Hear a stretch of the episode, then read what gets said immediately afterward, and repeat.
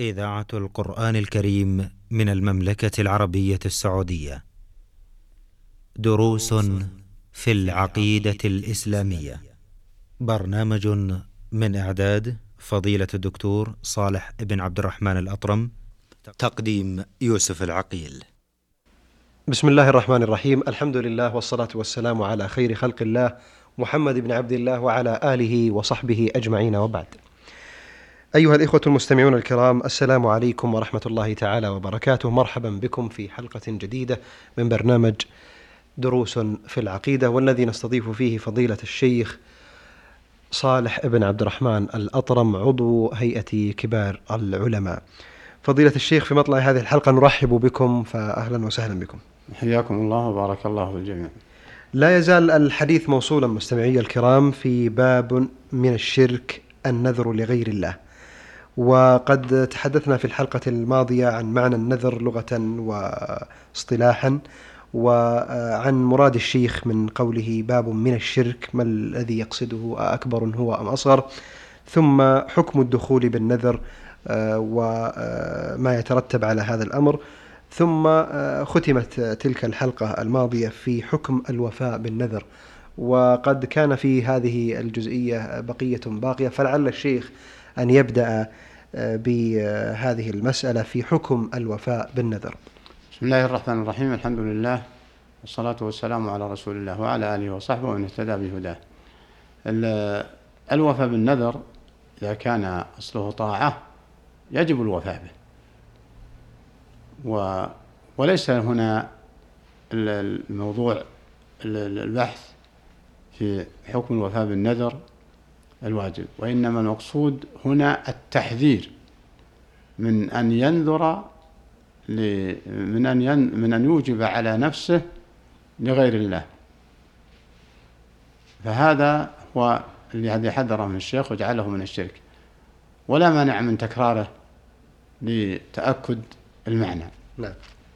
لتأكد المعنى. فيبقى معنا النذر المباح. يبقى معنا النذر الذي نذر طاعة لله. هذا يجب. نعم. و وأما ما لم يكن أصله طاعة فهذا تأتي عليه التقسيمات الذي قسمه العلماء. فالمقصود إن قول أن قوله فالمقصود أن قوله تعالى يوفون بالنذر مدح للموفين فهو دليل على وجوب الوفاء بالنذر إذا كان قربة وطاعة لله. وسيأتي حكم الأنواع الأخرى إن شاء الله تعالى. نعم. وقوله تعالى وما أنفقتم من نفقة أو نذرتم من نذر فإن الله يعلمه. هذا دليل على جواز النذر ابتداء إذا كان طاعة لله.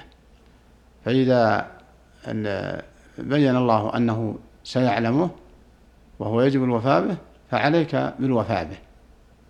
عليك بالوفاء بالنذر وهذا دليل على جوازه. وما أنفقتم من نفقة أو نذرتم من نذر فإن الله يعلمه.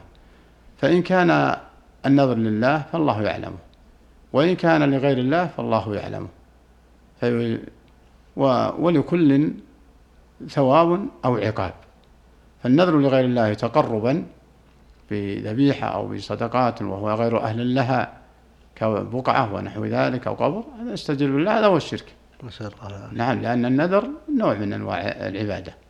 وإن كان لا وجب الوفاء به. وما أنفقتم من نفقة أو نذرتم من نذر فإن الله يعلمه. ثم ينبغي للمسلم أن يأخذ من قوله فإن الله يعلمه أنه وعيد. ووعد فهو وعد لمن نذر نذرا شرعيا فوفى به. ووعيد لمن أخل بنذره إذا كان طاعة. ووعيد على من نذر نذر معصية كما سيأتي في الحديث أيضا إن شاء الله تعالى. وما أنفقتم من نفقة أو نذرتم من نذر فإن الله يعلمه والإنفاق قد يكون تبرع ابتداء وقد يكون واجب إذا نذره الإنسان. أو نذرتم من نذر. وإذا علم الناذر بأن الله يعلم السر وأخفى ويعلم ما قصد ويعلم ما الذي نذر من أجله فإن المسلم يتوقى ذلك ويحجم عن أن ينذر حتى يتأمل. وكما جاءت الإشارة إليه في الحلقة الماضية أن حكم النذر ابتداء لا, مر... لا غير مرغوب فيه. نعم. النذر ابتداء غير مرغوب فيه إذا كان آه، مباح.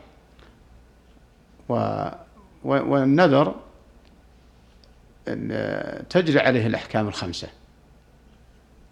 من أولا أنه يجب الوفاء به.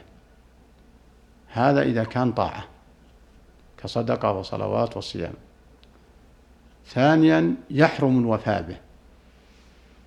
إذا كان نذر معصية نذر أن يعق والديه نذر أن يترك صلوات نذر أن يظلم أحد نذر أن لا يسدد حق أحد. هذا نذر معصية. آه، نذر مكروه. نذر مكروه. يعني ليس بحرام وليس بواجب. هذا لا يلزم الوفاء به. ومثله المباح. لا يلزم الوفاء به. هذا إذا نذر أوجبه على نفسه لأن أوجبه على نفسه لكن يكفر كفارة يمين إذا ما أوفى به. فإن وفى بالمكروه أو المباح أو وفى بنذره. وإن كفر كفارة يمين انحلت يمينه وانحل نذره. القسم الخامس نذر المعصية. نذر المعصية. فلو نذر أن يعصي الله بأن يترك صلاة أو بأن يعق والديه أو بأن يؤذي جيرانه أو بأن يتكلم في عرض أحد أو بأن يعبث في الأمن أو في غير أو في أي معصية. هذا حرام أن يوفي به ولا يجوز له أن يوفي آه، بالمعصية. ولو نذر ذلك. ما المخرج؟ مخرج قيل أنه نذر معصية فعليه التوبة والاستغفار. والذي يظهر مش عليه كثير من العلماء أنه يكفر كفارة يمين نعم. فيخرج من هذا النذر الذي نذره نذره في طريق معصية كفارة يمين ومثله المباح والمكروه مخير بين أن يوفي به وبين كفارة اليمين. الحمد لله. أما إذا كان طاعة فهذا لا. هذا يجب الوفاء به. آه، لو أن الطاعة أصلها مباحة ما دام نذرها وأوجبها وهي طاعة يجب الوفاء به. فلو نذر صلاة الليل صلاة في الليل تهجدا معلوما أربع ركعات ركعتين خمس ست ركعات ونحو ذلك هذه طاعة وجب الوفاء به. والحديث يوضح هذا الذي ساقه الشيخ. نعم حديث عائشة حديث عائشة رضي الله عنها وأرضاها. وهو قولها عن الرسول عليه الصلاة والسلام أنه قال من نذر أن يطيع الله فليطعه ومن نذر أن يعصي الله فلا يعصه. نعم. فهذا فيه دليل على وجوب الوفاء بالنذر إذا كان النذر طاعة. نعم. قد يكون أصل طاعة لكن مو هو واجب لكن ليس واجبا وإنما النذر أوجبه فيوفي به. وقد يكون أصله واجب فنذره أكد ذلك الوجوب. نعم. ومن نذر أن يطيع الله فليطعه. ومن نذر أن يعصي الله فلا يعصه. والشيخ ساق هذا الحديث ليبين أن النذر للقبور وللأصنام وللمعبودات من دون الله أنه حرام لا يجوز الوفاء بها. وهكذا لو نذر شرب خمر أو نذر زنا أو نذر أو نذر أن يؤذي أحد مما حرم الله عز وجل من المحرم يعني نعم. نذر أي محرم نعم. هذا لا يصح الوفاء به ويخرج منه بكفارة يمين إن شاء الله نعم. كما ذكر ذلك العلماء نعم. وإذا خلاصة الأحكام النذر من هما ما يجب الوفاء به نعم. هذا الطاعة وما يحرم الوفاء به هذا المعصية نعم. وما يكره الوفاء به هذا المكروه إن أوفى به لا بأس وما أوفى به يكفر كفارة يمين هل يدخل في هذا يا شيخ لو مثلا نذر أن يطلق امرأته مثلا؟ هل هذا يدخل في المكروه؟ آه، إذا نذر أن يطلق امرأته يدخل في المكروه. نعم. لكن مسألة الطلاق قد تلاحظ من ناحية أمور أخرى. هل نطق بالطلاق أو نذر أن يطلق فقط؟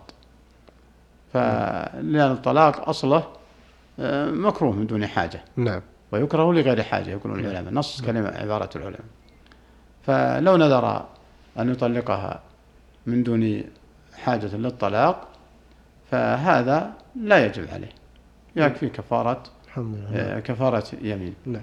فالمقصود تبين لنا الآن الأحكام التي سبقت الإشارة إليها لكن لا مانع من خلاصتها. واجب الوفاء به يحرم الوفاء به يكره الوفاء به يباح الوفاء به يباح يستحب نعم. نعم. هذه أح- ال- الأحكام. مكروه أو حرام وم- ومباح و- واجب. وواجب. نعم.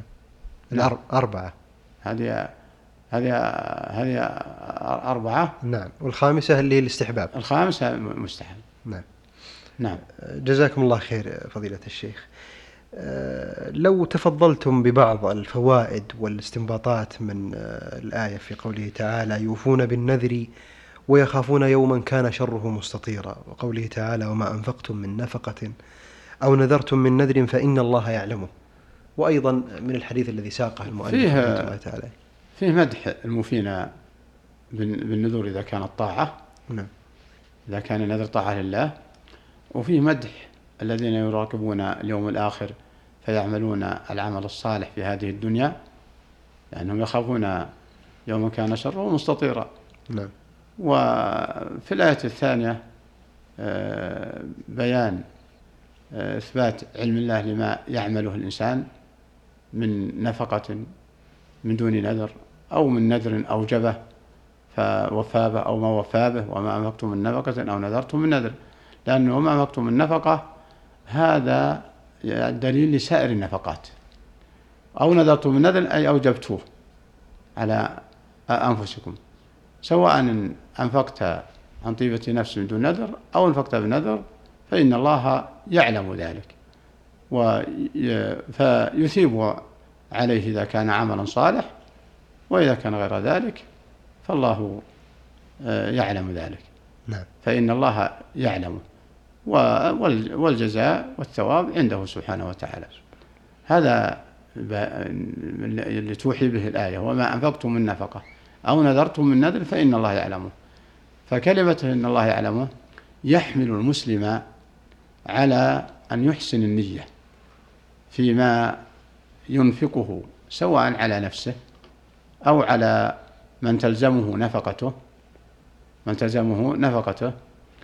وهكذا إذا نذر وأوجب على نفسه يتأكد عليه الوفاء به.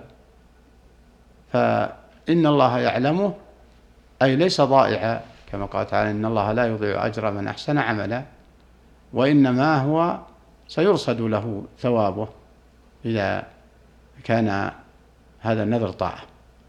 نعم. نعم. بارك الله فيكم.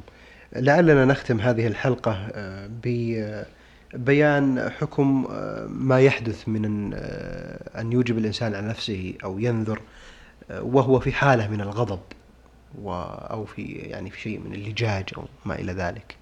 فحكم أولا الدخول في هذا الأمر ثم الخروج منه. كيف يخرج منه؟ هل يجب عليه الوفاء به أم أنه يعتبر مثل اليمين فتلزمه الكفارة ويكون بذلك قد خلص نفسه من هذا النذر أم ماذا؟ على كل حال هذه الأشياء الطارئة. نعم. مثل الغضب آه، حسب واقع الشخص وحسب ال- الحالة. ولهذا آه، الذي ينبغي أن نؤكد عليه أن يجتنب الإنسان النذر سواء غض- حالة غضب أو غير أو غير حالة غضب. نعم. فإن كان نذر حالة غضب وهو لا يعرف الحكم فلا بد من السؤال فلا بد من السؤال. نعم. آه، لأن تختلف يختلف الغضب. الغضب حسب درجات. حالته نعم. تختلف حالة الغضب درجات. و... و... ويختلف ما, ن... ما... ما نذره أيضا. فالذي الكلام العام التحذير من ارتكاب النذر لقوله وإنما يستخرج به من البخيل. لا يأتي بخير وإنما يستخرج به من البخيل. نعم. وأما الكلام على حكم آه، بعض الحالات الطارئة هذا حسب آه، من يوجه من وقعت منه. لكن على من وقعت منه السؤال. السؤال. نعم. وأما الكلام العام فلا تطلق مثل بعض الأحكام. إطلاقا كذا. نعم. لأن لا ليس كل شخص عنده تحمل واستعداد لفهم درجات الغضب. فقد يأخذ القضية مسلمة فيخطئ التطبيق نعم. فحينما تختلف الحال أو الشخص أو يشكل عليه فيسأل. إنما الأشياء الواضحة الأحكام الخمسة. نعم. الذي هو الواجب والحرام والمكروه والمستحب والطاعة. نعم. يعني المكروه والمباح والطاعة خمسة. نعم. في الواجب نذر طاعة حرام إذا نذر معصية مكروه إذا نذر معصية يكره الوفاء. مباح مخير الطاعة واجب الوفاء به. جزاكم الله خير هذه هذه الخمسة الذي يوصي بها الأخوة أن يتأملوها. نعم. والوصية الأخيرة أن يجتنب المسلم النذر من حيث هو. وأذكره بالحديث الذي مر أكثر ما أكثر من مرة في هذه الحلقة. النذر لا يأتي بخير وإنما يستخرج من البخيل. بارك الله فيكم وفي علمكم فضيلة الشيخ. في ختام هذه الحلقة آه، نتقدم لفضيلة الشيخ آه، صالح بن عبد الرحمن الأطرم عضو هيئة كبار العلماء بالشكر الجزيل. ونسأل الله سبحانه وتعالى أن ينفعنا جميعا بما سمعنا وبما قلنا. إنه سميع مجيب. إخوة المستمعين الكرام إلى هنا نصل وإياكم إلى ختام هذه الحلقة. إلى اللقاء في حلقة قادمة بإذن الله تعالى. والسلام عليكم ورحمة الله تعالى وبركاته. دروس في العقيدة الإسلامية. برنامج من إعداد فضيلة الدكتور صالح بن عبد الرحمن الأطرم. تقديم يوسف العقيل.